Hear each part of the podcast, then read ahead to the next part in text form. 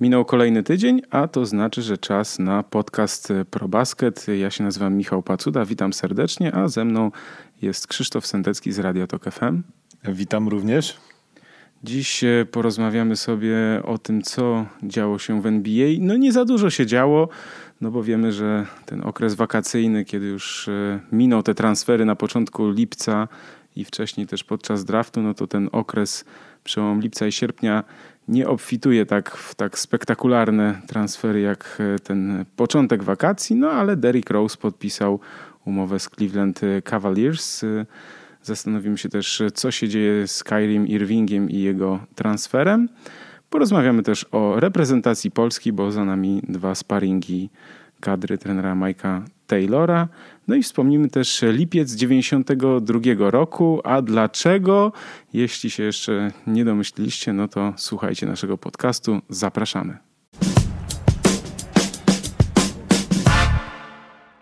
Stało się to, o czym rozmawialiśmy przed tygodniem, a więc Derrick Rose zasili szeregi Cleveland Cavaliers i pytanie pierwsze, najważniejsze, no poza tym, że mm, ważna kwestia to jest taka, że podpisał umowę za zaledwie 2,1 miliona dolarów, y, to najważniejsze pytanie myślę jest takie, czy będzie pierwszą jedynką, czy tylko graczem e, rezerwowym.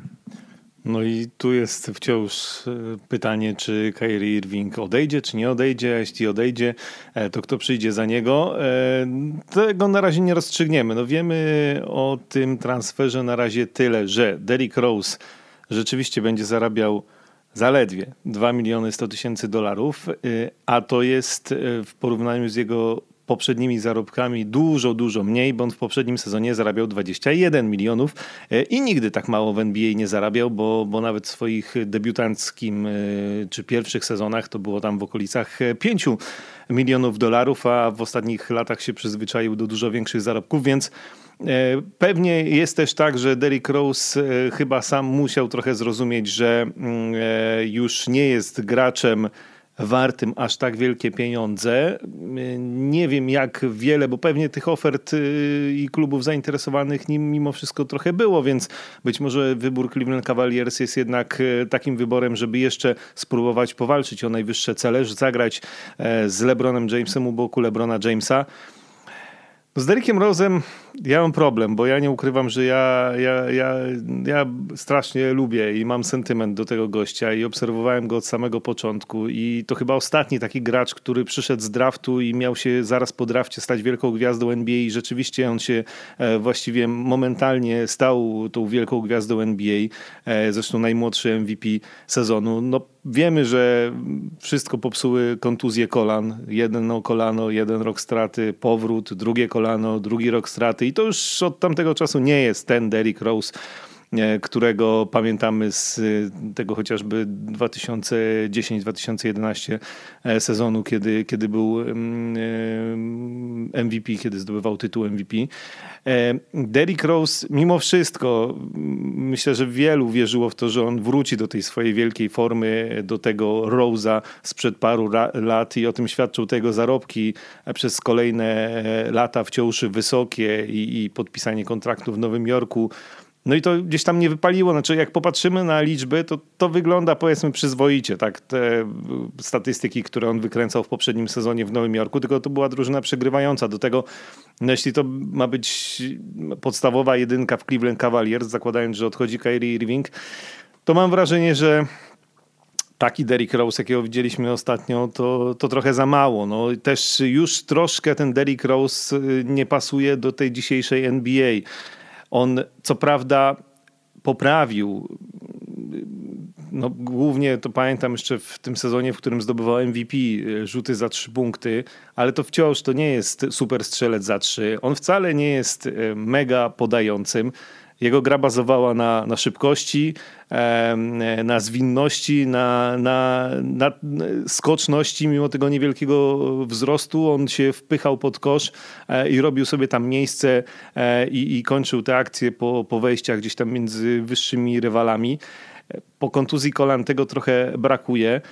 I mam obawy. No, wydaje mi się, że tak, no, dla Cleveland ryzyko jest niewielkie y, pod takim względem, że, no, że to jest zaledwie 2 miliony. Znaczy te 2 miliony warto było wydać na Derricka Rose'a, żeby mieć nadzieję, że gdzieś jeszcze w nim ciągle e, pozostaje choć trochę tego chłopaka z 2011 roku.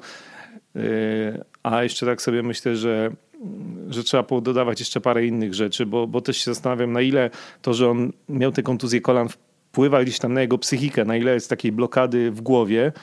No ja myślę, że jest bardzo dużo, znaczy to widać w jego grze, bo tak jak mówiłeś, on bazował na tej dynamice, niesamowitej dynamice.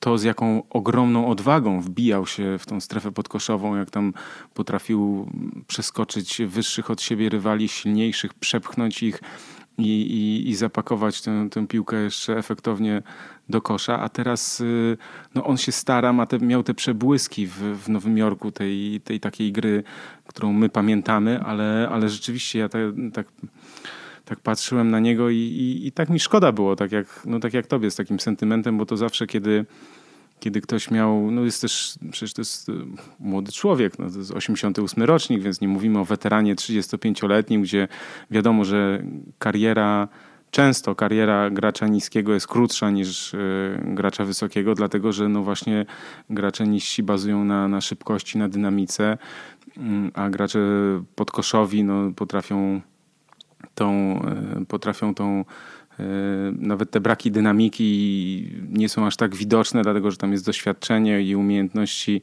e, też inne. Natomiast e, no rzeczywiście w, w grze Derricka Rose'a brakuje już tej, tej, tego, tego błysku, tej dynamiki, tej takiej agresji, z którą on, z której on słynął w, w latach, kiedy grał właśnie w Chicago za tego E, pięknego czasu, kiedy, kiedy właśnie zdobywał e, MVP.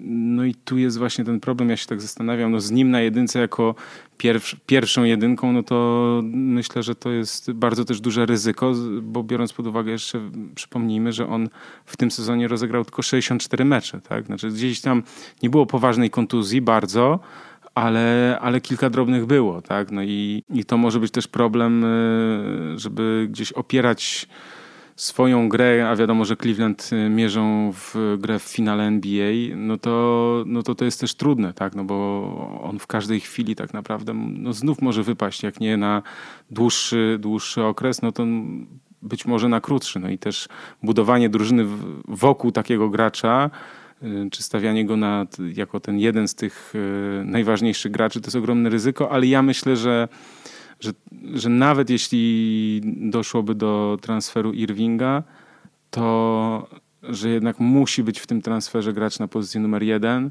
czyli tak jak wspominaliśmy już e, e, Goran Dragic z Miami albo Eric Bledsoe z Phoenix e, i to te moim zdaniem transfery wchodzą w grę i wtedy albo Dragic albo Bledsoe byliby tą byliby pierwszą jedynką, a, a Rose byłby zmiennikiem i, i on by się też sprawdzał w takiej roli wchodzącego z ławki gracza, który właśnie w tym w tym czasie, kiedy jest ten czas zmienników, to on mógłby naprawdę sporo dawać. Natomiast opierać się na, na nim jako na głównej jedynce, no to to jest ogromne ryzyko. No tak, no wtedy właśnie przy okazji jakiejś kontuzji, to, to trochę to Cleveland mogłoby zostać w takiej sytuacji jak e, przed kilkoma laty, że wszystko było oparte na LeBronie Jamesie, a to chyba nie o to chodzi też LeBronowi e, Jamesowi.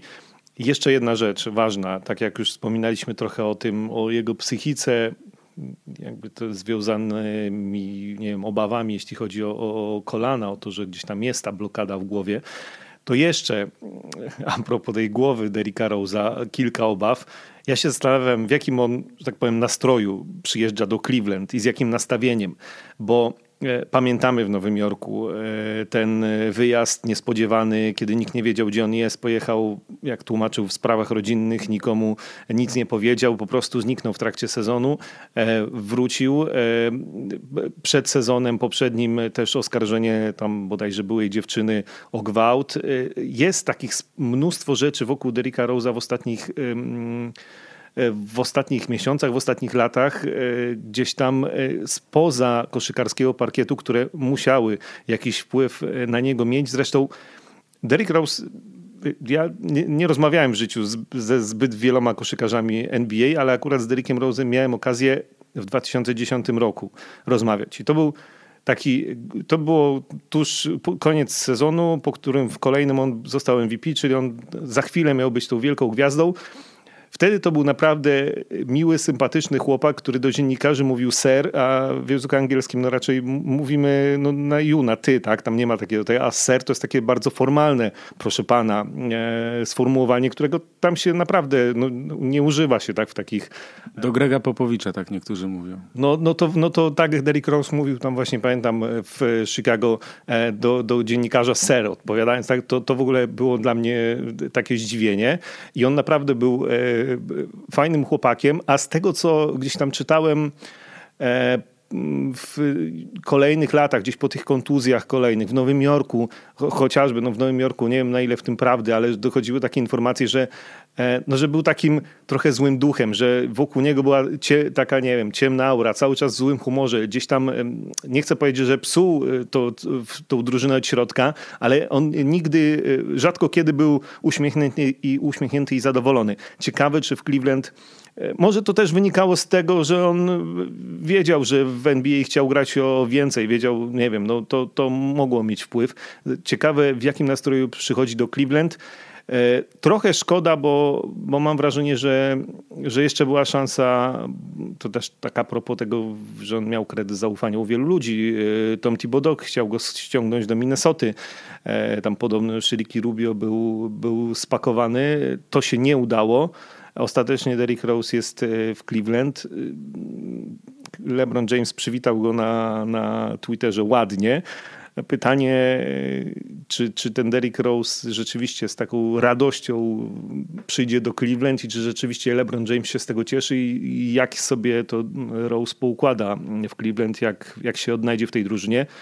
No na pewno to byłoby ryzykowne, gdyby gdyby wokół niego i LeBrona Jamesa budować drużynę. Myślę, że nie, że to, to, to tak jak mówisz, no władze Cleveland się na coś takiego nie, e, no nie zrobią czegoś takiego. Też tak myślę. A wracając jeszcze do tej jego psychiki, to rzeczywiście e, fakt, że on bardzo długo wracał po, po, po tej pierwszej kontuzji, to jak był ostrożny, to jak bardzo długo y, ta rehabilitacja przebiegała. Wiadomo, że każda kontuzja jest inna. Zerwanie więzadła to jest no, straszna kontuzja, natomiast y, no, są zawodnicy, którzy już gdzieś tam po dziewięciu miesiącach, czy niektórzy nawet wcześniej, mówi się, że to jest po prostu rok z głowy, ale, ale niektórzy gdzieś tam potrafią potrafią to, to, to zrobić szybciej. Ja miałem wrażenie, że, że obserwowaliśmy go gdzieś, gdzie tam można było obserwować jego, ten jego powrót do, do, do zdrowia, bo przecież pamiętam, że wtedy też Adidas taką mocno to promował jako wielki powrót, jako taki no też y, y, czas marketingowy, tak? Jak to, jak to przekuć na, na, na marketing, no czyli ten y, jego wielki powrót, ten, te, te jego przygotowania, natomiast one trwały bardzo długo i widać było tę, tę jego niepewność w grze, no potem kolejny uraz i, i też no, też kolejne, kolejne właśnie takie myślę, że ten, to, to ziarno w głowie zasiało właśnie ten, ten taki niepokój, niepewność. Y, I to jest to, to jest to, czego dziś, y, no myślę, że to są konsekwencje tego. No ja, ja też miałem z nim okazję rozmawiać w 2011 roku w Chicago na, podczas, y, no byłem na kilku meczach i no i to zupełnie był inny człowiek. Miałem wrażenie, tak jak teraz się ogląda gdzieś te E, gdzieś te, te, te z nim wywiady czy materiały, to, to zupełnie inny. No ale ja myślę, że, że to jest fakt, że on po prostu w tej chwili myślę, że się po prostu z tym nie pogodził, z tym, gdzie jest w danej w obecnej sytuacji. W to przecież jak wielką karierę miał przed sobą, tak? Znaczy, no MVP, finał konferencji wschodu. Ja pamiętam, że oni wygrali przecież chyba pierwszy mecz z Miami 20 punktami. Potem chyba przegrali wszystkie, jeśli dobrze pamiętam, ale to no, było pompowanie balonika i przez NBA, i przez Chicago, i przez sponsorów e, ogromne. No i taki, taki upadek. Ja mam wrażenie, jak go obserwuję, obserwuję jego grę, to mam właśnie wrażenie, że, że on też się z tym nie, nie pogodził, nie zaakceptował nie przepracował być może też tego z, z psychologami, bo, bo wiemy, że sportowcy też potrzebują psychologów i często oni im bardzo, bardzo pomagają i, i wielu właśnie po no, po prawdziwych terapiach potrafi po prostu się otworzyć e, i grać e, dużo lepiej. No a tutaj wydaje mi się, że po prostu nawet jeśli Derrick Rose nad tym pracował, no to nie osiągnął takiego poziomu, jak, jakiego, sam by, jakiego sam by chciał. Porozmawiajmy chwilę o reprezentacji Polski. 31 sierpnia pierwszy mecz e, Mistrzostw Europy, Eurobasketu. Polacy są po zgrupowaniu e, w Wałbrzychu dwutygodniowym. No i na koniec tradycyjnie już zagrali z Czechami. Pierwsze spotkanie telewizyjne e, wygrane wysoko 101 do 68.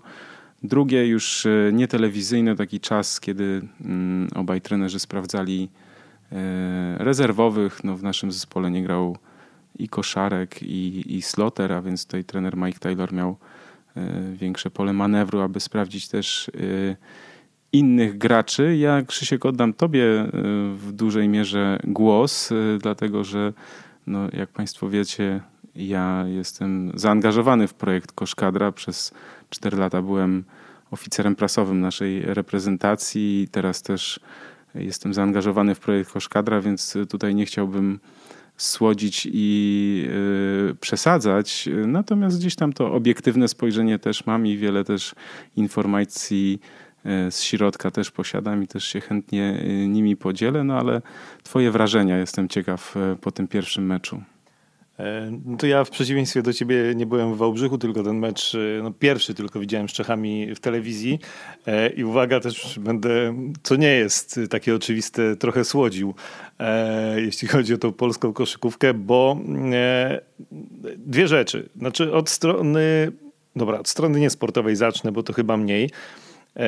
Fajne jest to, że Mm, dowiedzieliśmy się dosyć wcześnie, co też nie było takie oczywiste w ostatnich latach, e, bo już na początku przygotowań, e, właściwie przed obozem, gdzie Eurobasket będzie, w jakiej telewizji. No wiemy, że w TVP i wiemy, że przynajmniej chyba tak, na umowa na 4 lata, więc e, pod tym względem naprawdę to jest wreszcie fajnie rozwiązane.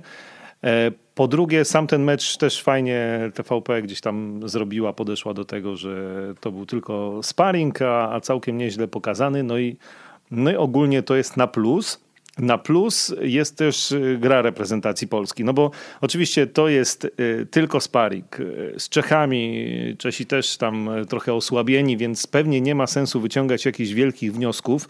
Pewnie poważniejsze sprawdziany chociażby za tydzień, bo tam gramy między innymi z Litwą, jeszcze kilku innych rywali w tych kolejnych turniejach towarzyskich przed Eurobasketem mamy e, mocnych i wtedy zobaczymy więcej i będziemy wiedzieli więcej o tej kadrze na później Eurobasket, to już wszystko będziemy wiedzieli ale fajnie się reprezentację Polski oglądało, tak po prostu, grę, no, czy z Czechami. To, to naprawdę, e, naprawdę miło się, e, miło się na to patrzyło. Widać, że ten obóz w Wałbrzychu przepracowany dobrze, że chłopaki się ze sobą dogadują, że Mike Taylor ma na to wszystko jakiś pomysł. E, ja oczywiście cieszę się najbardziej z tego, gdyż jestem fanem Mateusza Ponitki tego chłopaka trochę jak Derricka Rose'a, tak? Od, od 2010 roku, od tych mistrzostw świata U17, gdzie Polacy byli wicemistrzami świata z Jerzym Szambelanem, oglądam e, i Uwielbiam grę Mateusza Ponitki. Będę się trzymał tego, że on kiedyś zagra w NBA. Na razie podpisał kontrakt w Hiszpanii i to też jest spoko i to też jest kolejny awans w jego karierze. I on w każdym meczu reprezentacji pokazuje, że już w tym momencie to jest lider e, Polaków. I mam nadzieję, że też będzie tak e, na Eurobaskecie. Tą grupę mamy ciężką, strasznie ciężką e, i naprawdę wyjść z tej grupy będzie ciężko, a my cały czas marzymy przynajmniej o ćwierćfinale, tak? I wreszcie nawiązaniu gdzieś tam i do 97 roku i do chociaż trochę sukcesów piłkarzy ręcznych czy, czy siatkarzy, czy ostatnio nawet piłkarzy. E, będzie ciężko, ale po tym pierwszym sparingu tyle, co ja mogę powiedzieć no to okej, okay. na razie jest tak, że, że mi się to ogólnie podobało, więc, więc mimo wszystko myślę, że coś poopowiadasz teraz za kulis, z Wałbrzycha. Znaczy za kulis może niezbyt wiele. Myślę, że najważniejszą e, tutaj najważniejszą kwestią jest e, to, że ten zespół jest zbudowany po raz kolejny już trener Mike Taylor długo pracuje z reprezentacją. Przypomnijmy, w 2013 Dirk Bauerman i potem 2014 już trener Mike Taylor i jest ta kontynuacja. To, to pokazuje te wszystkie szczegóły, jakie są dograne. Sztab szkoleniowy się niewiele zmienia, zawodnicy też większość graczy mm, jest, nazwijmy to, tych podstawowych bądź bardzo ważnych, y, gra ze sobą już kolejny, kolejny rok i, i grają i chcą przyjeżdżać y, na zgrupowanie, bo, bo wiedzą, że to też im bardzo wiele może dać. Nie tylko od, pod kątem wartości samego, nazwijmy to, nazwiska, ale też świetnego przygotowania, bo, bo jest tam no, bardzo, bardzo dobry trener Dominik Narojczyk od przygotowania fizycznego, którego serdecznie pozdrawiam, pseudonim Dominator, ale, ale rzeczywiście to sami zawodnicy y, podkreślają, że, że, że atmosfera w zespole jest świetna. Y, no i oczywiście kilka anegdot jest, bo jeden z młodych zawodników zapytał starszego stażem, y, pyta się, słuchaj, ale jak tak trener Taylor tak mówi, że wszyscy są świetni, wszyscy tak znakomicie pracują grają, to, to jak on zrezygnuje z, z, kogoś? Przecież musi za chwilę wybrać tam czternastkę czy, czy iluś. No i, i, i to oczywiście jest e, z uśmiechem e, przyjęte i ten młody człowiek jest zaskoczony taką pozytywną atmosferą, ale też myślę, że każdy jest doceniany i każdy, każdy widzi to, widzi swoje też miejsce i widzi też szansę, jaką Taylor, Taylor daje tak? tym, tym młodym, młodym chłopakom, no bo przykładowo Filip Matczak też powołany na to zgrupowanie i przepracował e, ciężko ten okres i też zagrał znakomicie jako, jako zmiennik w, ty, w tym meczu z, z Czechami. Rzucił 11 punktów, e, trafił dwie trójki, także, także tam każdy znalazł dla siebie miejsce, każdy też dostał, e, dostał szansę. Natomiast jeśli już myślimy o tych liderach i o tej sile naszego zespołu, to tak jak ty powiedziałeś, Mateusz Ponitka, jeśli chodzi o jego grę w NBA, to mm, problem z, znaczy problem z, Mateu, z grą Mateusza jest y, taki, że on ma ogromną konkurencję na swojej pozycji. I, I ja nie mówię, że żeby się nie utrzymał, czy żeby się nie dostał, jakby tak bardzo walczył.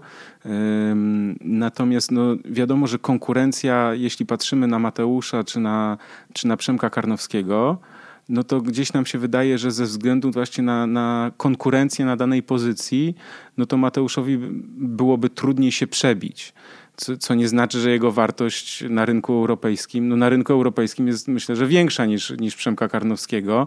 Natomiast no tutaj właśnie trzeba patrzeć też na te, na te inne czynniki, które, które mają e, wpływ na to, czy ktoś gra w NBA, czy nie. No ja myślę, że Przemek, gdyby urodził się kilka lat wcześniej, to, to by się w NBA zadomowił. Natomiast teraz ta NBA jest troszkę inna i, i stąd też e, wynika fakt, że on będzie grał w Europie, ale kto wie, może też wróci do, wróci do Stanów Zjednoczonych i, i jeszcze w NBA e, zagra. Przemek dołączył do zespołu e, właśnie na te ostatnie dni w Wałbrzychu.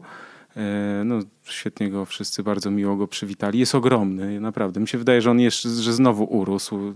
Trzeba go zmierzyć tak naprawdę z centymetrem, bo ja mam wrażenie, że naprawdę z 2,15 już chyba, albo nawet nie wiem, jak nie, jak nie więcej. Także ta, ta reprezentacja Polski będzie naprawdę może sporo namieszać, bo oprócz Mateusza Ponitki, który jest no, w znakomitej dyspozycji, tak? Znaczy przypomnijmy, to jest chłopak 93 rocznik, jest jak to się mówi po koszykarsku w pełnym gazie. To też pokazał ten mecz z Czechami, jak on był skoncentrowany na początku meczu, jak szybko zdobył, e, no on zdobył 22 punkty, grał, ja patrzę teraz statystyki, 16,5 minuty. To jest, e, ale on wyszedł po prostu niesamowicie zmobilizowany, zmotywowany i, i tam gryzł parkiet, jak to się mówi. Adam Waczyński też e, jest w bardzo dobrej dyspozycji, a przypomnijmy, że on przecież też wraca do gry po kontuzji. No i też y, musimy pamiętać o, zawodniku, który też zaledwie niespełna 16 minut zdobył 21 y, punktów, to Damian Kulik i to jest też kolejny zawodnik. Jego rok temu z kadrą nie było, to wynikało z powodów osobistych, natomiast Damian Kulik też jest w naprawdę niesamowitej formie. Ja go znam od 2007 roku, kiedy on był z kadrą U20 Ja wtedy miałem taką zaszczytną funkcję kierownika drużyny, ale też ponieważ gdzieś tam e, myślałem o, byciu trenerem, bo, bo trenowałem juniorów e, w Polonii Warszawa, to gdzieś tam też miałem okazję, żeby podpatrywać e, od starszych trenerów i się uczyć. I ja pamiętam Damiana Kuliga wtedy, jak się spojrzy na tą jego karierę niesamowitą, jak on krok po kroku po prostu naprawdę chłopak z Piotrkowa, y, który najpierw grał w pierwszej lidze, potem w Polfarmie, potem w Poznaniu, potem Mistrzostwo Polski z Turowem z Gorzelec. Y, no i, i teraz y, w lidze tureckiej radzi sobie naprawdę bardzo dobrze. To, mm, to też jest taki przykład i też taką, myślę, że warto pamiętać o tym, że kiedy patrzymy na graczy, nawet dwudziestoletnich, to że nie każdy jest tak jak Mateusz Ponitka, tak? że on był już przecież w 2013 roku jako, e, jako dwudziestolatek, wychodził w pierwszej piątce u, u trenera Bauermana, no a, a, a, tak, a tacy są też inni gracze, którzy potrzebują więcej czasu i Damian Kulik jest, znaczy w formie jakiej jest, to, to ja byłem i fizycznej, i, i koszykarskiej. Ja byłem naprawdę bardzo mile zaskoczony. No wiedziałem, że tak będzie, ale zobaczyć to na własne oczy jest zawsze, e, zawsze inaczej. Także e, ja jestem tutaj pełen optymizmu, bo wiem po prostu, jak, jaka jest atmosfera w drużynie, jak jest skupienie, nastawienie, jak też ten Eurobasket poprzedni we Francji, kiedy ja z chłopakami tam byłem i jak jaki ogromny niedosyt pozostał po tym meczu z Hiszpanią, mimo że z mistrzami e, późniejszymi, to jednak no, te trzy kwarty po prostu łeb w łeb. No i oczywiście no, Hiszpanie pokazali ogromną klasę. Wtedy no, troszkę, troszkę Polakom zabrakło. Natomiast to, co jest ważne, to o czym musimy pamiętać, to moim zdaniem ta drużyna jest jeszcze lepsza, bo zawodnicy są po prostu jeszcze lepsi. To znaczy Mateusz Ponitka jest jeszcze lepszy niż był dwa lata temu. Adam Waczyński tak samo. Jest w świetnej formie e, Damian Kulik. Są też inni gracze. Aaron Cel też wraca po kontuzji, ale, ale też bardzo dobrze zagrał w obu tych spotkaniach e, z Czechami. Także no tutaj, żeby też y, nie pompować nadmiernie balonika, ale ja bym tego nie robił. Y, gdybym tak nie czuł nie myślał, nie widział tego wszystkiego, to ja bym tutaj nie, no mówiąc wprost, nie ściemniał. Tak? To znaczy to, co było widać w tym, w tym meczu z Czechami, tą energię, mobilizację i, i, i to, co można też oglądać na tych e, filmikach właśnie gdzieś tam, czy z szatni, czy z treningu, czy, czy reakcja z ławki. E, teraz Michał Fałkowski e, właśnie jest cały czas z drużyną i robi, robi takie, takie filmiki. Jest, jest tego sporo i, i to widać, tak? Znaczy to, to są po prostu fragmenty wycięte, to nie jest pozowane, to wszystko jest, gra, no i samo się nakręca, samo się napędza. Także Wiem, że grupę mamy bardzo trudną i, jest wiele pytań, jakie, jakie stoją przed Mike'iem Taylorem, jak to, jak to wszystko poustawiać, y, jak wygrać y, te bardzo trudne mecze, ale myślę, że ta kontynuacja i to wszystko, co zostało wykonane w ostatnich latach i, i teraz w tym roku, to myślę, że, to, że należy patrzeć z optymizmem na ten Eurobasket i myślę, że to jest no, myślę, że najważniejsze. No ja też znaczy, tak, z optymizmem ok.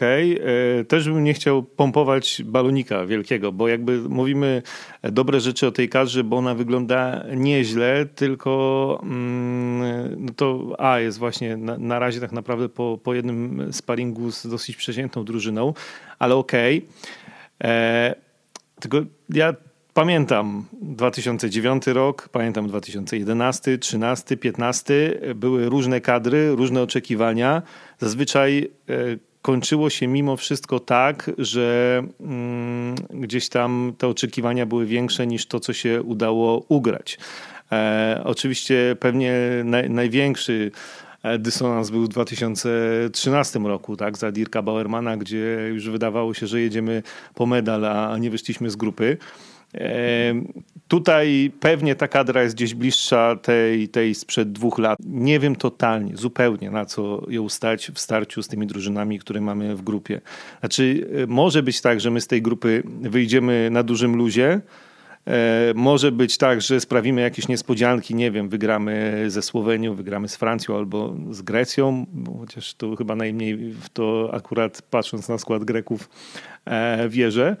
E, może być tak, że my z tej grupy nie wyjdziemy. Znaczy, jak popatrzymy na ranking FIBA, to tylko Islandia jest niżej od nas. Oczywiście to tylko ranking, ale z drugiej strony gdzieś on tam pokazuje, że E, że może być tak, że mogą e, Polacy zagrać nawet nieźle, e, pięć meczów i, i zająć piąte miejsce i nie pojechać do Stambułu na turniej finałowy Eurobasketu, tak, bo my zaczynamy w Finlandii, w Helsinkach. Więc nie pompujemy balonika, to się zgadzam. Nie wiem, nie wiem, jeszcze raz to powtórzę, nie wiem na co stać tą kadrę i jak się zakończą mecze, bo tu się może dużo rzeczy wydarzyć na Eurobaskecie.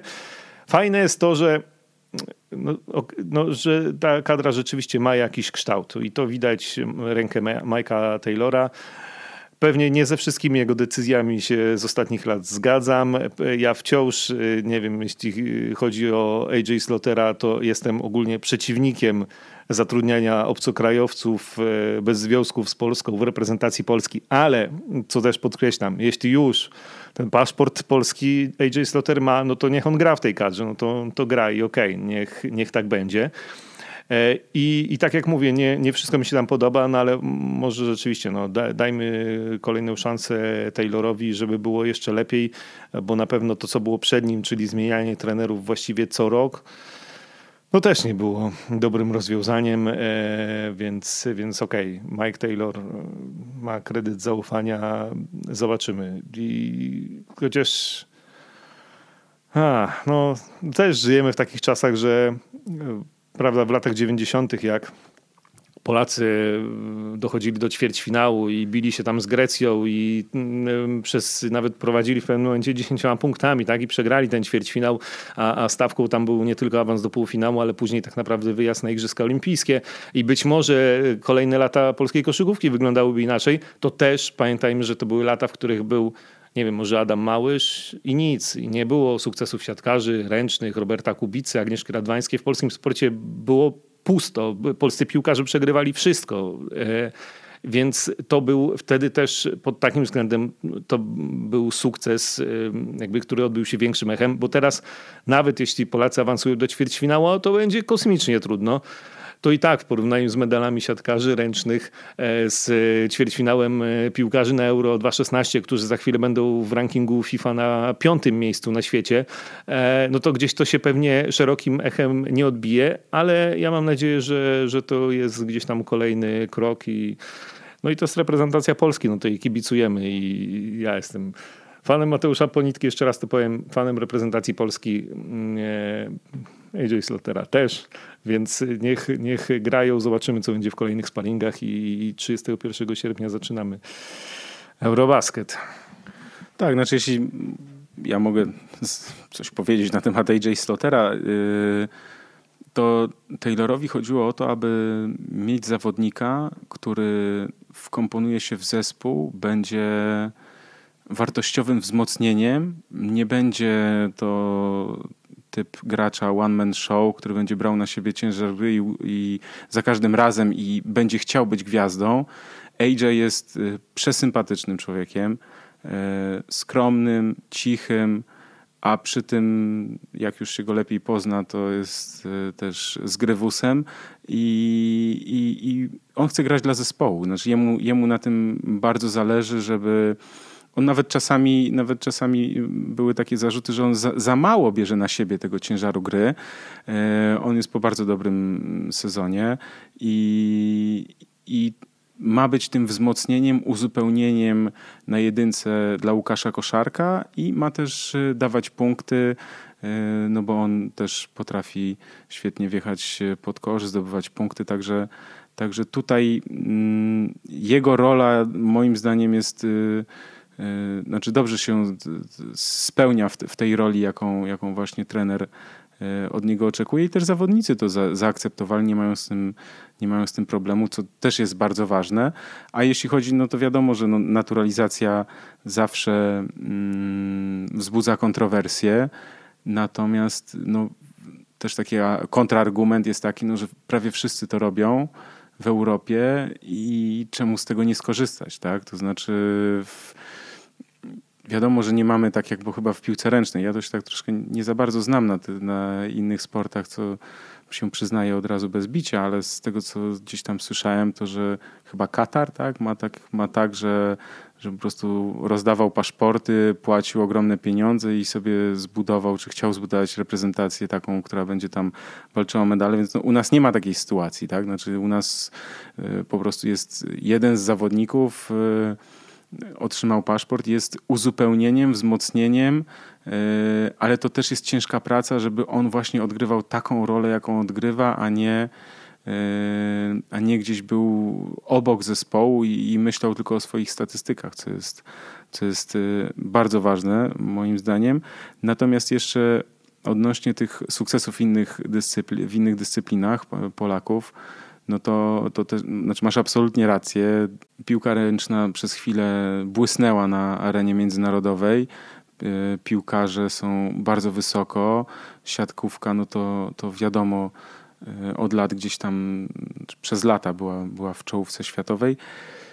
Tylko tutaj mój problem zawsze jest taki, ja, ja wiem, że tego, że to kibica, nazwijmy to niekoszykarskiego, być może koszykarskiego też, znaczy, że ja rozumiem, że to ich nie interesuje, tak? To znaczy, że, że w innych dyscyplinach y, są te sukcesy i oni chcą też w koszykówce takich sukcesów, natomiast to, co ich nie interesuje, co chcę powiedzieć, to jest fakt, że, y, że koszykówka jest drugim najpopularniejszym sportem na świecie i ciut trudniej jest osiągnąć sukces, przebić się do czołówki światowej w koszykówce niż w piłce ręcznej i siatkówce. To jest absolutnie prawda. E, że... Ja, żeby była jasność, znaczy ja nie, ja nie szukam wymówek, tak? To znaczy ja tylko tak patrzę realnie na, na, na to, tak? Znaczy, że być może znaczy miejsce w ósemce moim zdaniem byłoby sukcesem, gdy, gdyby, gdybyśmy awansowali do, do ósemki, yy, byłoby sukcesem Natomiast to jest ważne też, żeby być w tej ósemce przez kilka lat, a nie, no przypomnijmy, przecież y, no, Czesi też y, byli wyżej od nas, tak? Znaczy wiem, że Satorańskiego nie było i Weseliego teraz y, na, na tym sparingu, a więc dwóch kluczowych graczy, najważniejszych i najlepszych, ale no, ważne jest, żeby być w tej czołówce, być gdzieś tam dobrą drużyną, natomiast no, będę się trzymał tego, że, że też patrzmy jakby na realia. Ja wiem, że zawsze serce bije mocno i żeby być jak najlepszym i co mnie obchodzi, że w piłce ręcznej to tam siatkówka, to, to ja też chcę, żeby koszykówka taka była, tylko też patrzmy po prostu realistycznie. Jest to trudne, bardzo trudne. Ta drużyna ma tę szansę, ale no po prostu też trzeba być realistami i patrzeć, yy, patrzeć na świat takim, jakim jest. No tak, no i też patrzymy, czekaj, jedno, żebym nie zapomniał, bo żebyś się nie naraził, wiesz, fanom piłki ręcznej, to to e, przez chwilę, to tak dekadę trwa ta chwila sukcesów piłkarzy ręcznych, e, więc, e, więc to tak. E, Oczywiście racja, y, znaczy może, może tak, już jakby, żeby nie brnąć o dyskusję, my się cieszymy też z sukcesów piłkarzy nożnych, siatkarzy, piłkarzy ręcznych i wszystkich polskich sportowców, e, a chcielibyśmy, żeby koszykarze też e, sukcesy odnosili, tak po prostu jeszcze miałem coś powiedzieć odnośnie AJ Slotera, żeby nie było. Ja absolutnie jestem żadnym, wiesz, przeciwnikiem AJ Slotera. To na pewno jest sympatyczny chłopak i świetny koszykarz i ja wiem, że Mike Taylor wybrał sobie takiego gracza, który mu tam pasuje do tej drużyny. Chodzi mi o ideę, ale to już też myślę, że już nie ma sensu. Jakby o samą ideę e, zatrudniania. Wiem, że wszyscy tak robią, chociaż to akurat dla mnie nie jest wielki argument. E, no ale no dobra, no zostajmy przy tym, że jeśli AJ Slaughter ma polski paszport, to teraz bez sensu byłoby z niego nie korzystać, to, to też nie o to chodzi. Więc e, trzymamy się tego, że, że trzymamy kciuki za Polaków e, i ten pierwszy sparring, pierwsze dwa, no ja jeden widziałem, ten, który był w telewizji, napawa optymizmem. Już nie mówimy o samym wyniku, a o tym, jak ta gra Polaków wyglądała, więc, więc zobaczymy. Zdarzały się w poprzednich latach Bo też trzeba o tym powiedzieć, że po tym 97 roku później mieliśmy taką zapaść, że też trudno sobie o tym e, pomyśleć. No, gdzieś tam były lata, gdzie tej polskiej koszykówki w ogóle w grupie tych średniaków nie było. Wróciliśmy tak naprawdę dekadę temu e, na Mistrzostwa Europy i gramy w nich e, co dwa lata i cały czas marzymy o tym, żeby być w tej ósemce. Może tym razem się uda. Ale okej, okay, no trzymamy, trzymamy kciuki za, za Polaków i mam nadzieję, że że ten Eurobasket będziemy wspominać miło. Zdarzały się w tych, przez te ostatnie 10 lat takie pojedyncze sukcesy, jak ta wygrana z Turcją, jak tam wygrana z Litwą w 2009 roku i e, trzy kwarty z Hiszpanią, o której wspominałeś w meczu o ćwierćfinał e, dwa lata temu. Były przebłyski, no, żeby być w tej ósemce na stałe, to trzeba te przebłyski przekuć w granie w każdym meczu. Tak, właśnie, żeby wygrywać też z tymi silniejszymi od siebie czasami i nie popełniać błędów i nie mieć wpadek z tymi drużynami słabszymi, żeby jakieś zwycięstwo, na przykład, nie wiem, ze Słowenią na Eurobaskecie, e, nie, nie, nie zmarnowało się później porażką z Islandią. Więc, więc tego, tego życzymy i no i tyle. No i czekamy na, na Eurobasket, na razie na te kolejne sparingi, turnieje. Mm, też w Polsce, mm, chyba w mojej urodziny tam jest jakiś sparing, te, turniej y, jest od 24 do 26, więc więc y, już wtedy będziemy wiedzieć dużo więcej przed Eurobasketem, jak ta kadra wygląda. Mówiliśmy o reprezentacji Polski w 97 roku, ale też Wspomnijmy to, co działo się na przełomie lipca i sierpnia 92 roku. Obaj mieliśmy wtedy 11 lat i no, gdzieś tam pewnie rzucaliśmy na jakimś e, koszu na osiedlu e, i te mecze gdzieś śledziliśmy w telewizji jak się dało. Ja pamiętam, że właśnie 92 rok to był taki mój przełom, e, kiedy zaczynałem się interesować koszykówką, kiedy zaczynałem gdzieś tam rzucać do kosza. No już 93 to już było taka pełna e, fascynacja. E, no a kolejne lata to nieprzespane noce, wiadomo. Ale, ale co, ten 92 rok, bo w końcu jeszcze nie powiedziałem, ale zostawiam to tobie, abyś opowiedział. No tak, no 25 lat, ćwierć wieku, starzy jesteśmy. Mija od e, Igrzysk Olimpijskich w Barcelonie, od e, Dream Teamu, od tej drużyny, e, którą właśnie w tym wieku 11 lat, pewnie ty też, bo ja jakbyś mnie o północy obudził, to cały skład, e, dwunastkę, nawet e, z Christianem Letnerem jestem w stanie wymienić. No miałem całą cały pokój miałem w plakatach, a i był też taki kalendarz, ja miałem powycinane już potem po, poobcinane te miesiące i po prostu każdego z tych zawodników był cały ten pokój w tych plakatach, Dream Team, tak, tak. No ja też miałem cały pokój w plakatach, e, ta, e, wytapetowany i szpilkami powbijane plakaty w tą tapetę, to później strasznie wyglądało, jak się plakaty zdjęło i jeszcze naklejki na drzwiach też całe, więc e, myślę, że wielu ludzi w podobnym wieku do naszego przeżywało to samo.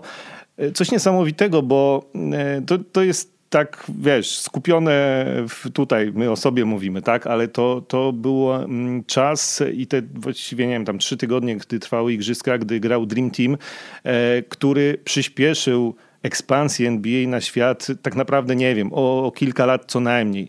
E, to był taki moment, że okej, okay, tam był skrzypaszek w pięcioboju, Legień, zapasy, judo, e, polscy piłkarze, srebro zdobyli w Barcelonie i oprócz polskich sportowców Dream Team. To był, y, Michael Jordan powiedział, jak podróż z 11 gwiazdami roka, przy czym tą 12 był on i był największą. To, to w ogóle była. To, to, ludzie na całym świecie znali tych gości i oglądali, a w Barcelonie to było absolutne szaleństwo. Znaczy, nigdy wcześniej, i już pewnie to się nie wydarzy, nie było takiej drużyny, gdzie inni sportowcy, medaliści olimpijscy prosili ich o zdjęcia, gdzie w trakcie meczów z Dream Teamem e, inni koszykarze robili sobie zdjęcia.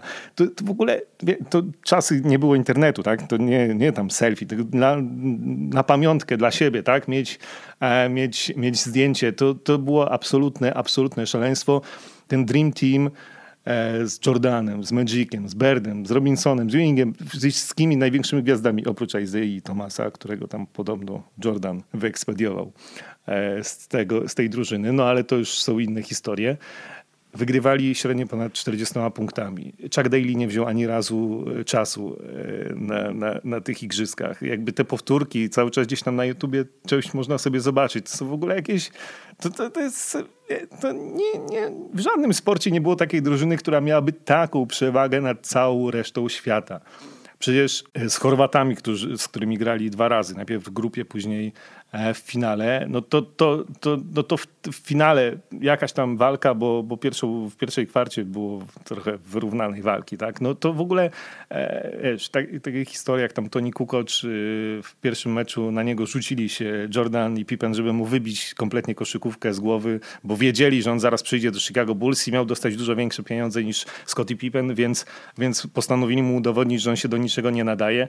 E, I, I tak robili właściwie ze wszystkimi wszystkimi. No, e, słynny cytat Charlesa Barclaya przed e, meczem z Angolą. Co wiesz o Angolii? E, no, on powiedział, że no, wie, że Angola ma problem, no i miała. No, to, to, to, to jest taki poziom. No, to jest wie, Michael Jordan na finał z Chorwacją wsiadł do e, autokaru wiozącego ich z hotelu do e, hali w stroju golfowym po kilkunastu godzinach gry w golfa. Dla mnie to było szokiem, bo wydawało mi się, że to jest najbardziej profesjonalny zawodnik świata, który absolutnie jest mega profesjonalistą, a on sobie grał w golfa przez kilkanaście godzin, po czym wsiadł do autokaru, pojechał e, na halę i, i rozwalił e, Chorwatów e, i zdobył olimpijskie złoto. I to jest drużyna, która się nie powtórzy i mm, Wyszła książka fajna, Dream Team, e, napisana przez Jacka McCalluma, także w Polsce kilka lat temu. E, to też warto ją sobie przeczytać, e, bo to dobra dziennikarska robota z tymi wszystkimi historiami. On był wtedy dziennikarzem Sports Illustrated, mieszkał w hotelu, no bo oni nie mieszkali w wiosce, tylko bo, bo ich tam zjedli przecież w tej wiosce, to, to w hotelu w innej części Barcelony. Te historie, które rozgrywały się w pokoju tym dziecinnym, zabaw rodzinnym, jakby to nazwać, gdzie tam spędzali czas e, w dzień właśnie ich żony, bo przyjechali z żonami, z dziewczynami, z dziećmi, e, a wieczorami e, czasami przy piwie, czasami przy cygarach, grali w różne gry. Nie było wtedy żadnych gier elektronicznych, więc to raczej tam bilard i karty. I te wszystkie opowieści... I chyba jeszcze ping-pong i ping-pong oczywiście. I Jordan we wszystko musiał wygrywać i ze wszystkim chciał się zakładać i grał dotąd, aż wygrał.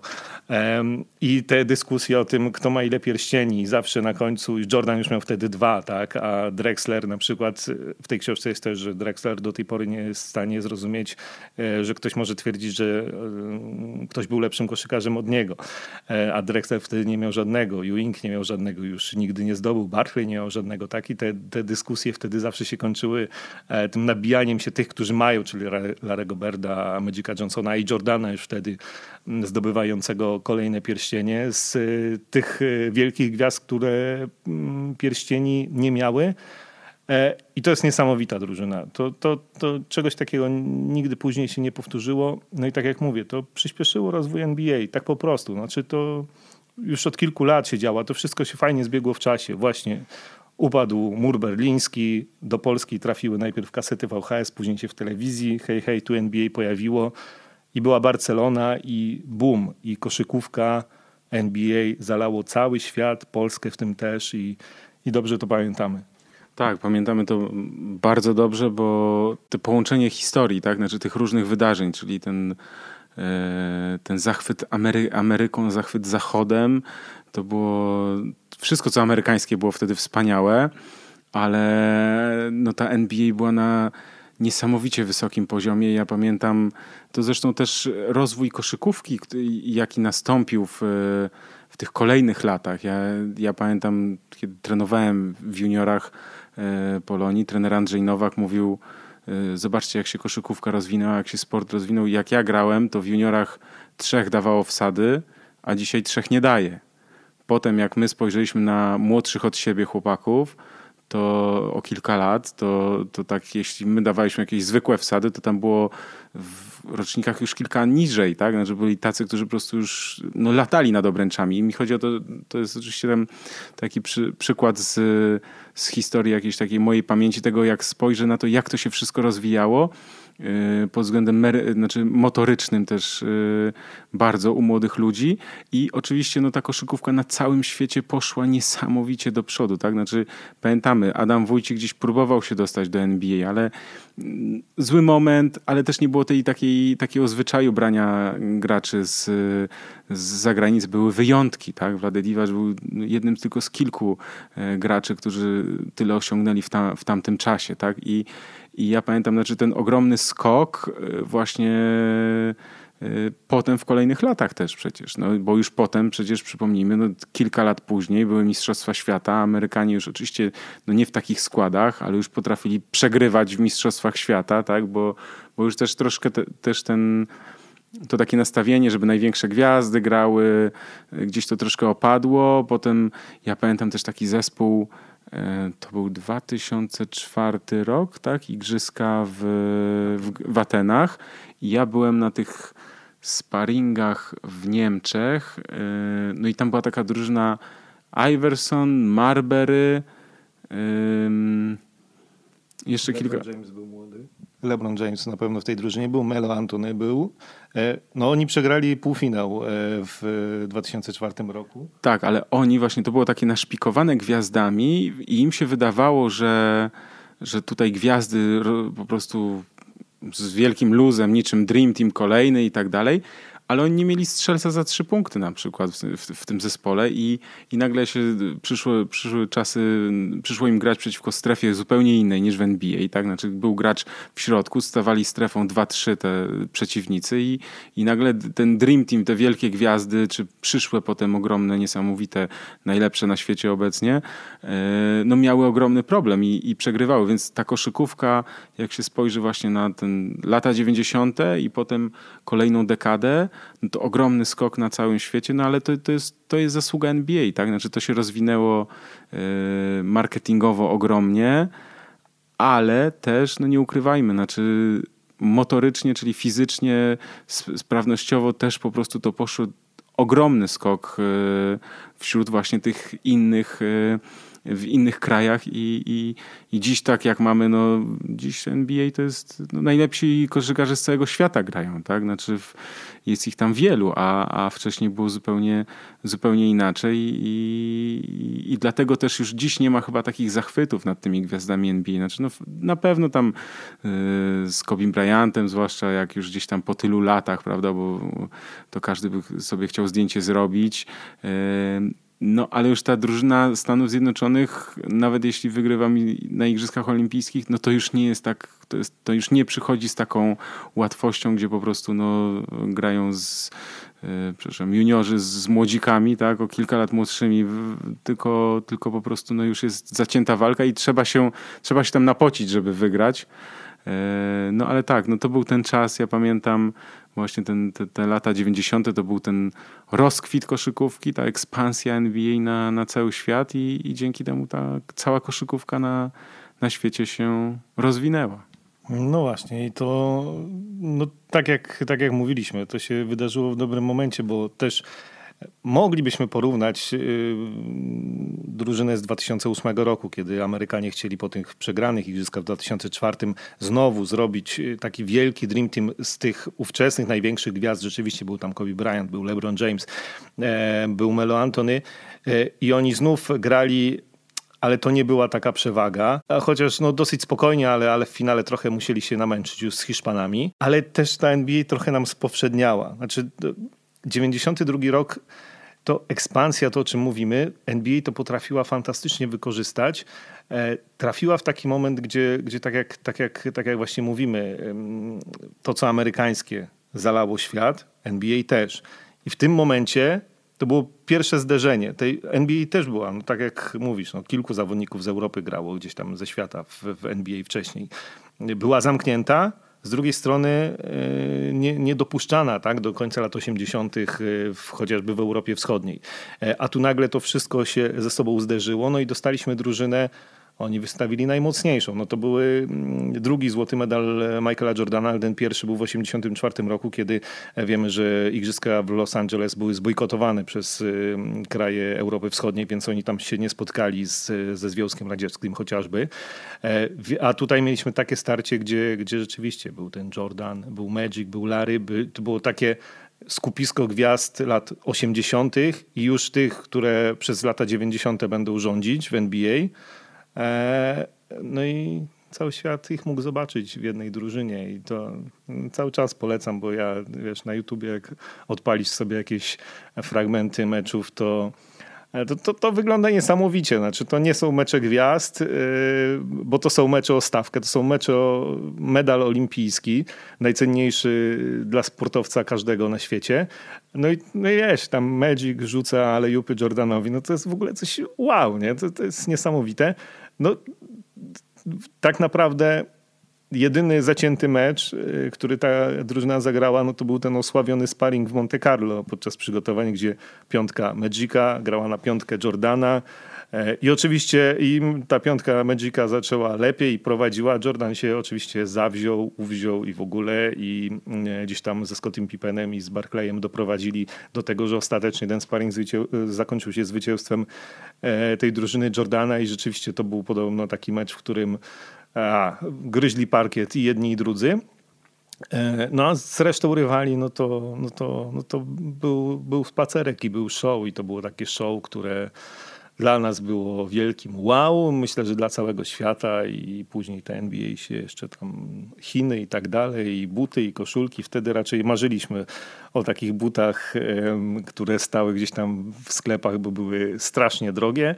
E, no a dzisiaj, dzisiaj to jest gdzieś tam bardziej na wyciągnięcie ręki, ale przez to nie jest aż tak niedostępne, jak, jak był e, Michael Jordan wtedy, w 92 roku, bo trochę to się wydawało, jakby goście z kosmosu przyjechali. Tak, ale to też oczywiście wpływa na to fakt, że no byliśmy dzieciakami, tak? Więc jakby to, to, to było dla nas coś niesamowitego. Dziś, yy, no owszem, no je, jak się rozmawia, spotyka się zawodników NBA, ma się z nimi okazję porozmawiać, to oczywiście jest ten dreszczyk emocji i takie yy, wewnętrzne, nazwijmy to, takie podekscytowanie, no ale, ale też no to też są zwykli ludzie, tak. Znaczy Michael Jordan był dla nas Bogiem, myślę, że możemy to śmiało powiedzieć. E, natomiast dziś, no, nie wiem, Kevin Durant e, jest po prostu znakomitym koszykarzem, ale jest też normalnym człowiekiem i, i my go znamy też jakby od tej strony, znaczy wiemy o nim od, od tej strony yy, to wszystko, ale to też no, media to, to rozwinęły, no i też z, z biegiem lat też no, człowiek inaczej patrzy, a więc no, wiadomo, natomiast no tak, te lata 90. myślę, że jak jest okazja, żeby wspominać, to to warto sobie poprzypominać. Ten okres letni też jest takim właśnie dobrym, dobrym momentem, kiedy NBA nie gra, żeby sobie gdzieś tam powspominać. Zresztą na, na probasket.pl taka zakładka Historia NBA e, ostatnio sporo aktualizacji i też różnych e, wspomnień, czy też playoffów z właśnie z, z tych lat 90., te, te historie, no to się wspomina z sentymentem, to gdzieś to zostaje w człowieku na, no na zawsze. No, potem gdzieś te lata 2000, no to tam początek XXI wieku, to gdzieś było już troszkę mniej tego, tej ekscytacji, te, takich niesamowitych historii, a, a ja pamiętam właśnie te, czy, czy, czy, czy Barcelonę, czy potem finał 93, 94 najbardziej pamiętam, nie wiem dlaczego, ale te siedem meczów e, Nowego Jorku z Houston, ale to no, takie rzeczy właśnie na, na tym się budowała, myślę, że ta, ta miłość do koszykówki, która no, została do dziś.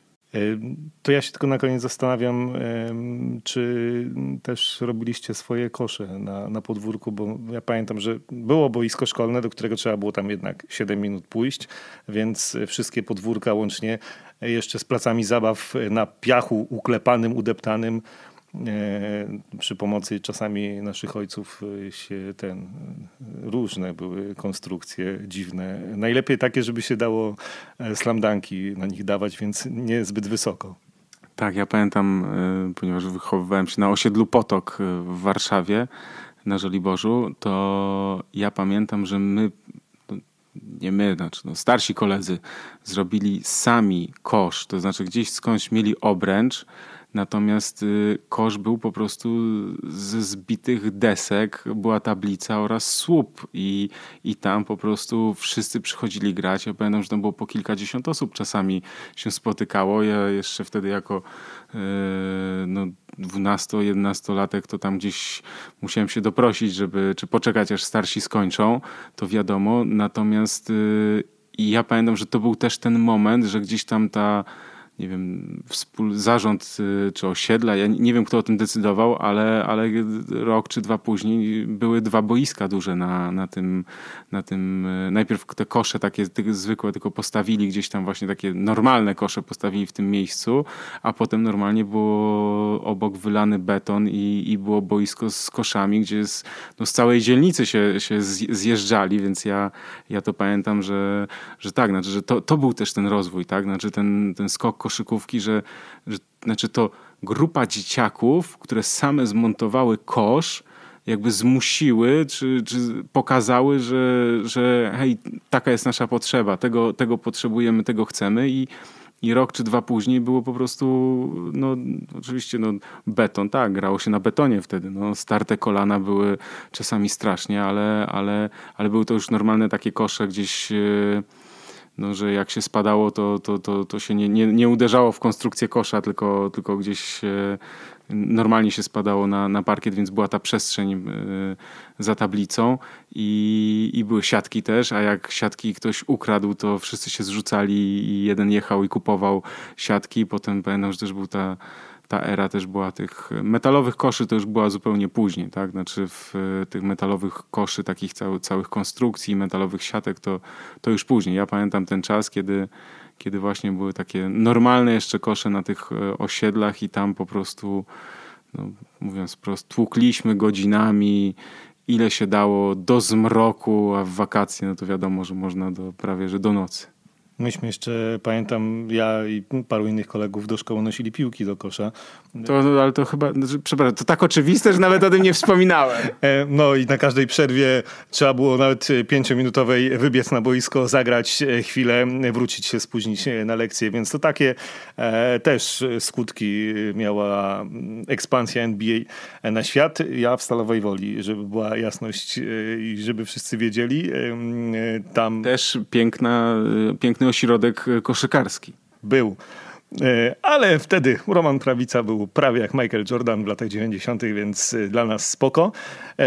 E, I ostatnia rzecz, żebyśmy za długo nie nudzili, mówiłeś o swoich mm, jakby tam pierwszych, najbardziej pamiętanych meczach NBA. Też muszę to powiedzieć, chociaż ja nie jestem w stanie zlokalizować roku, bo nie pamiętam. Mógł to być jeden z meczów finałowych 92 roku, równie dobrze mogło to być wcześniej, być to jakiś mecz playoffów albo mm, nie, przepraszam, to nie 90, to nie, to, to, to nie finału konferencji albo mecz e, e, sezonu zasadniczego, bo na pewno pierwszy mecz w życiu NBA, jaki oglądałem, to było Chicago Bulls z Detroit Pistons, więc e, mógł to być e, na przykład rok 90, tak, jeśli finały, albo, albo po prostu jakiś mecz sezonu zasadniczego, bo pamiętam taką sytuację, e, kiedy e, gdzieś tam mój tata powiedział, że wtedy jeszcze trochę więcej wiedział o koszykówce, znaczy na tyle, że mówił, no to grają byki z tłokami i ten tu Jordan jest dobry. No i tak został ten Jordan e, przez całe życie, więc, e, więc od tego się zaczęło. E, I też pamiętam, że po tym meczu e, właśnie wyszliśmy e, na nasz fantastyczny, przed nasz blok i na koszu, na kawałku asfaltu. Kosz chyba stał już na trawniku, bo tak, żeby samochody nas nie przejechały. E, tłukliśmy na własnoręcznie zrobionym koszu. Piękne czasy to były. Piękne czasy. Jeśli jeszcze ja tylko uzupełnię o swoje wspomnienie, bo 94 finał jakoś zapamiętałem tak najlepiej, bo siedziałem po nocach i sam robiłem statystyki e, tego meczu. To był Houston, Nowy Jork. Ja wtedy byłem wielkim fanem Knicksów z Johnem Starksem i przede wszystkim z Derekiem Harperem, to jak ktoś, pewnie wiele osób będzie musiało teraz w Google zobaczyć, kto to był. Derek Harper? Ron Harper był taki, nie. Derek Harper był taki zawodnik, ja byłem jego wielkim fanem. Ale taki mecz to też fajny moment na, na to, żeby sobie powspominać. Mecz, który ja najbardziej pamiętam i bo z jakiegoś powodu miałem go nagranego na kasetę wideo i wydaje mi się, że to był 93 rok. Finał, finał konferencji wschodniej Chicago-Nowy Jork. I to był ten mecz, mi się wydaje, w którym Starks no, poszedł po końcowej i tak e, zapakował efektownie, co potem było e, z prawej strony lewą ręką, jeśli dobrze pamiętam. No w każdym razie mm, to taki jest, taka jest akcja bardzo, bardzo, bardzo znana i pamiętam, że mm, tak zapamiętałem, znaczy tak często oglądałem ten mecz, oczywiście z, z uwagi na Michaela Jordana, e, że pamiętam po prostu, pamiętałem każde słowo komentatorów, jakie wtedy, jakie wtedy wypowiadali w trakcie, w trakcie tego meczu. Także e, jeśli ktoś e, zadaje sobie pytanie, czym jest pasja, to myślę, że właśnie przedstawiliśmy definicję tego, jak, jak się rodzi w człowieku e, pasja do czegoś i, i jak się rodzi potem to wszystko, co no, w nas zostaje.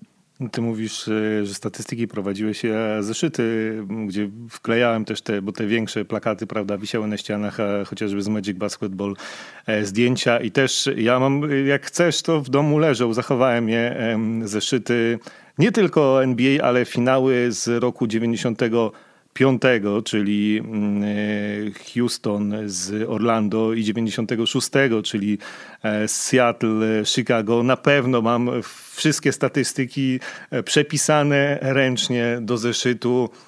Najlepsze piątki, wszystkie nagrody MVP i tak dalej, to na bank ze zdjęciami, oczywiście uzupełnione. Mój syn, który jest dziś w podobnym wieku, bo ma lat 12, jak ja byłem w wtedy, no tak w Barcelonie, tak jak mówiliśmy, e, no to, to dzisiaj się robi wielkie oczy.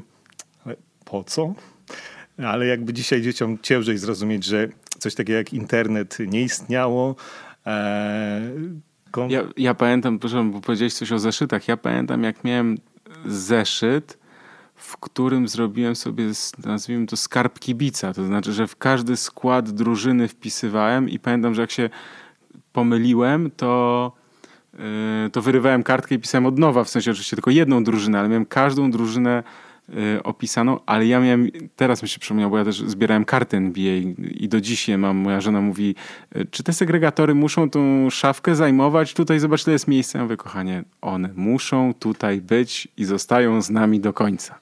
Więc to jest wspomnienie karty NBA, bo, bo to były już te, te lata, tak? 93, mój ojciec... Yy, latał wtedy często do Stanów Zjednoczonych i, i, jedno zadanie miał. Znaczy, dla mnie były dwa zadania, żeby przywieźć mi nawet nie buty, bo buty gdzieś jakoś się udawało w Polsce kupić. To były, znaczy dwa zadania. Wydaje mi się, że jeansy były jeszcze taką rzeczą, którą trzeba było, warto było kupić, bo było dużo taniej, ale, ale karty NBA.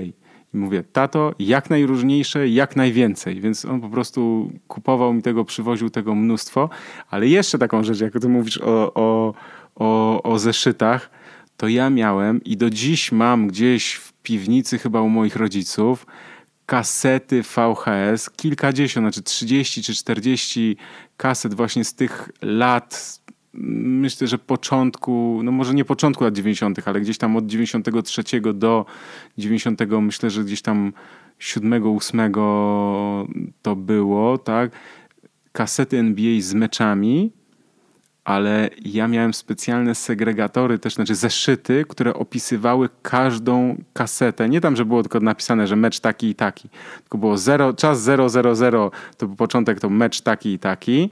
1,02 y, na przykład godzina, tam dwie minuty, to już taki i taki mecz. Byłem co do sekundy tak opisane, ale jeszcze jedna rzecz. Ja sam tworzyłem miksy, bo, mają, bo mój ojciec miał dwa, znaczy jeden miał odtwarzacz, a drugim był magnetowid. Ja sam tworzyłem miksy kaset wideo z najlepszymi akcjami, czyli jeśli chodzi o wycinanie akcji, to tak jak dzisiaj, dzisiaj się te miksy robi, włączy się na YouTubie, wszystko jest pięknie z muzyczką, to ja to robiłem na VHS-ie, no, czyli jeśli ktoś chce wiedzieć, ile to czasu zajmowało, yy, no dużo, bardzo dużo. Myślę, że wiele osób. Y, nie ma pojęcia, o czym w ogóle mówimy. Co to jest kaseta VHS? Mm, co to jest magnetowid? To może być problem. E, wiem, bo e, tak, nagranie tam bez zacięcia to w ogóle była jakaś y, wyższa szkoła jazdy, żeby, żeby to e, sensownie dociąć.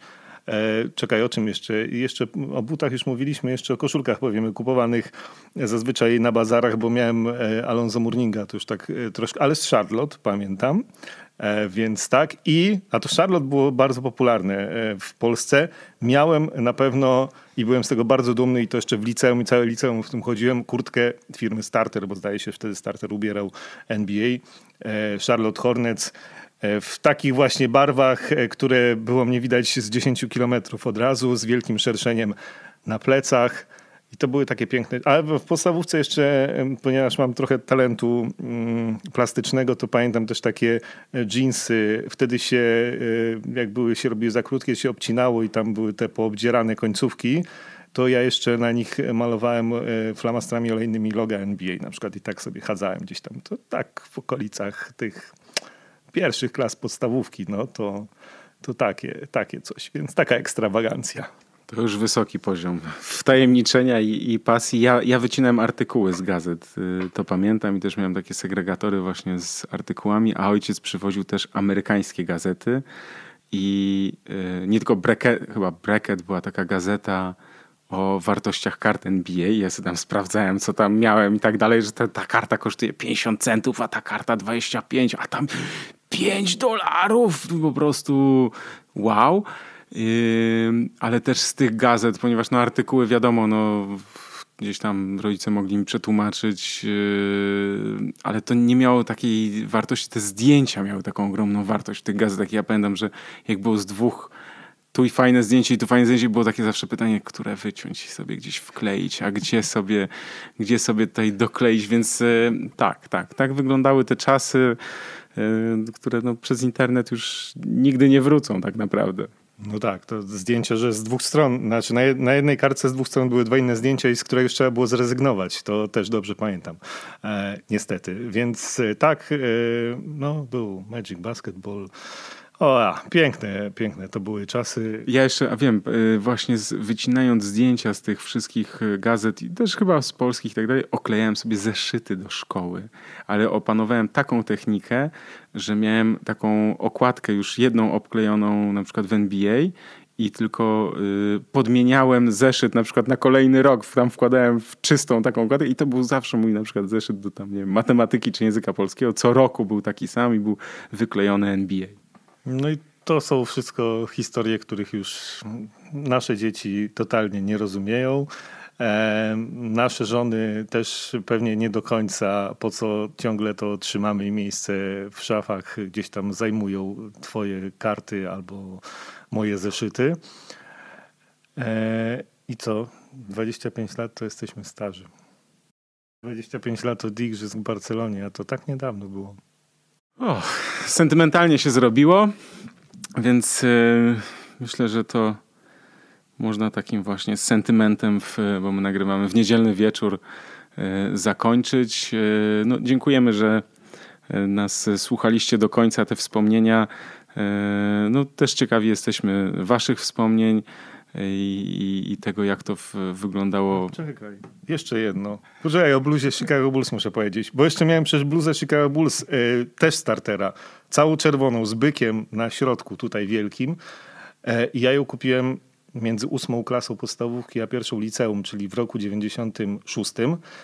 E, I nie wiem, pewnie miałem wtedy ze 180 centymetrów i jeszcze była jakaś szansa, że będę grał kiedyś w koszykówkę. E, po czym, e, gdy się przeprowadzaliśmy gdzieś tam parę lat temu, e, ta bluza się znalazła i rękawy były może ze dwa centymetry za krótkie, więc niestety nie urosłem od tego czasu za wiele, ale to też pamiętam, że moja wychowawczyni, pierwsza rzecz, która była mm, w szkole, w liceum, jak moja wychowawczyni zobaczyła, to pierwsza rzecz na wywiadówce, jaką powiedziała na pierwszym spotkaniu z rodzicami, żeby nie przychodzić w takich bluzach. E, chodziło o kolor bardziej niż o byka, ale no to takie były też problemy e, tamtych czasów. No tak. Ja pamiętam też, e, jak Ja specjalnie chyba, tak, znaczy ja specjalnie, żeby grać w kosza w lepszej drużynie, to tak jak w Stanach Zjednoczonych, słuchaj, jak zmieniają uniwersytety, to ja zmieniałem szkołę podstawową na taką bliżej domu, do której chodziłem do pierwszej i drugiej, to na specjalnie na ósmą klasę zmieniłem, na, znów wróciłem do tej rejonówki, żeby, żeby tam grać w kosza po prostu, więc to już jest w ogóle, no to, to, to już jest kosmos totalny. Nie, no to nie, ja szkół nie zmieniałem z tego powodu, ale może ja też y, ten, chyba byłem mniejszą nadzieją na koszykarza niż, niż ty mimo wszystko. Ja byłem największą nadzieją w mojej głowie, także to też bądźmy realistami, ale rzeczywiście przygoda niesamowita. E, no i tak, zostaliśmy fanami koszykówki i teraz e, i fanami NBA i teraz e, siedzimy i gadamy, a wy tego słuchacie. To jest nam miło mimo wszystko, tych naszych wspomnień. Jak w komentarzach napiszecie o swoich, to chyba też jest fajne. I będziemy próbowali odpisywać. Może jeszcze coś nam się przypomni, na przykład za tydzień, bo za tydzień zdaje się, że będzie rocznica, 25. rocznica dokładnie finału z Barcelony, więc może, może coś, e, coś a propos tych lat 90. E, możecie coś tam napisać w komentarzach i, i, i poczytamy z chęcią. Tak, ale też o, o tym, jak. E, no bo w, też słuchają nas młodsi od nas kibice koszykówki, więc też może urodzeni w latach 90. I, i też jeśli macie swoje właśnie jakieś takie wspomnienia, pierwsze mecze, to też może fajnie to jest opisać, zebrać, może gdzieś to w ogóle warto też opublikować na, na ProBaskecie taki zbiór. A co jest y, zabawne, to my się nie umawialiśmy na to, żeby teraz te wspominki takie tutaj, nie mamy kartek zapisanych, znaczy na mojej kartce zapisany jest y, Rose, kadra i w, w ostatniej chwili żeśmy wymyślili, że może by ten li, przełom lipca i sierpnia 92 rok w coś, coś wspomnieć. Ja powiedziałem, no to Krzysiek, ty czytałeś dokładnie tą książkę, ja dopiero zacząłem, więc ty będziesz opowiadał, a troszkę nam się tutaj rozwinęło e, do znów e, długiego czasu, no ale mm, troszkę żeśmy powspominali z, z sentymentem, z łezką wokół e, te zabawne, szalone, śmieszne czasy, te lata 90. No i myślę, że czasem jeszcze będziemy wracać do do tych czasów, bo gdzieś tam często zresztą we, we, wcześniejszych podcastach, jak coś mówimy, wspominamy, to też porównujemy do czegoś, co było kiedyś, no a my pamiętamy z tej naszej pamięci, tak, no bo te lata 80., 70. to już tylko w kronikach i, i gdzieś w, w, filmach, a, a w, w książkach, a, a te lata 90. gdzieś tam można powiedzieć, że byliśmy gdzieś obok tego, to towarzyszyło na naszemu życiu, bo ja też pamiętam takie historie, jak Michael Jordan zakończył karierę i pamiętam do dziś po prostu, jak ogromne emocje wywołało we mnie to, kiedy no był w, w dwójce, tak, w TVP był, było pasmo NBA i pamiętam, jak pan Szaranowicz mówił tak, zaczął, zaczął, miał być normalnie mecz NBA i nie było meczu NBA i zaczęło się to tak. Dziś nie będzie meczu NBA. I było wspomnienie Michaela Jordana, więc yy, ja pamiętam, że po prostu do dziś, jak to, to wspominam, to mnie ciarki przechodzą, bo, bo to takie jakieś piętno na mnie wywarło. I, no i też oczywiście pamiętam, jak Bill Clinton mówił, że yy, mamy tam bezrobocie na poziomie, nie wiem, powiedzmy tam miliona, no ale jeśli Michael Jordan zdecydowałby się na powrót do NBA i pamiętam właśnie ten powrót, ten numer 45 przecież, z którym grał, także no te lata 90. moglibyśmy pewnie do jutra wspominać. Istnieje takie niebezpieczeństwo, e, niestety, ale to też pokazuje, jak ta NBA wtedy mm, interesowała wszystkich, no bo to, to, to nie jest tak, że my jesteśmy wyjątkami. Ja wiem, jak teraz u dzieciaków wygląda, wszyscy chcą być Robertem Lewandowskim. E, wtedy naprawdę było tak, że, że chodziliśmy e, w koszulkach, często podrabianych, ale czasami nie. I pamiętam, wszyscy mieli pamiętać, że była taka moda, wszyscy chodzili w butach do kosza. Tak, wszyscy chodzili w butach do kosza, chodzili w tych koszulkach e, bez rękawków z nazwiskami koszykarzy. E, chodzili wszyscy w czapkach z logiem NBA. Nawet ci, którzy się nie interesowali, wszyscy grali e, w kosza i tak było w Warszawie, to Michał o tym mówi, i tak było w Stalowej Woli. Też potwierdzam, naprawdę na każdym placu zabaw był kosz, jeśli nie postawiony gdzieś tam przez miasto, przez władzę, to, to wszyscy stawiali swoje były mecze e, między osiedlami, między blokami, tak po prostu, nie, w kosza grali absolutnie wszyscy i to, to, to, to było szaleństwo. No to, no ja jeszcze jedną rzecz pamiętam, ale e, nie z NBA, ale ona jest fajna, bo w 95 roku w Stalowej Woli był mecz gwiazd północ-południe. Pełna hala wtedy, absolutnie. Znaczy biletów nie można było kupić. E, drugi w historii mecz gwiazd Polskiej Ligi. E, I wtedy to był mecz, w którym w konkursie wsadów poszły trzy tablice. W pył i mak rozwalone totalnie. E, I my później po treningach zbieraliśmy no to zostało posprzątane, ale gdzieś tam po kątach zostały e, te kawałeczki, takie kryształki malutkie tego szkła z tablic zbieraliśmy e, i miałem pudełko z e, kawałeczkami tablicy rozwalonej w, podczas tak meczu, meczu gwiazd w Stalowej Woli.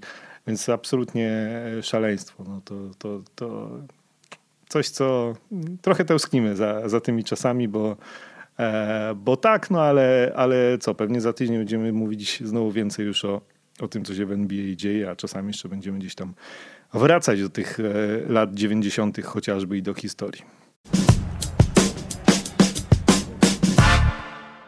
Miało być krótko, a wyszło jak zwykle, ale dziękujemy, że dotrwaliście do końca, że słuchaliście i mamy nadzieję, że też podzielicie się z nami swoimi e, wspomnieniami. Ja przypomnę Michał Pacuda oraz Krzysztof Sendecki z Radiotok FM. Dziękuję bardzo.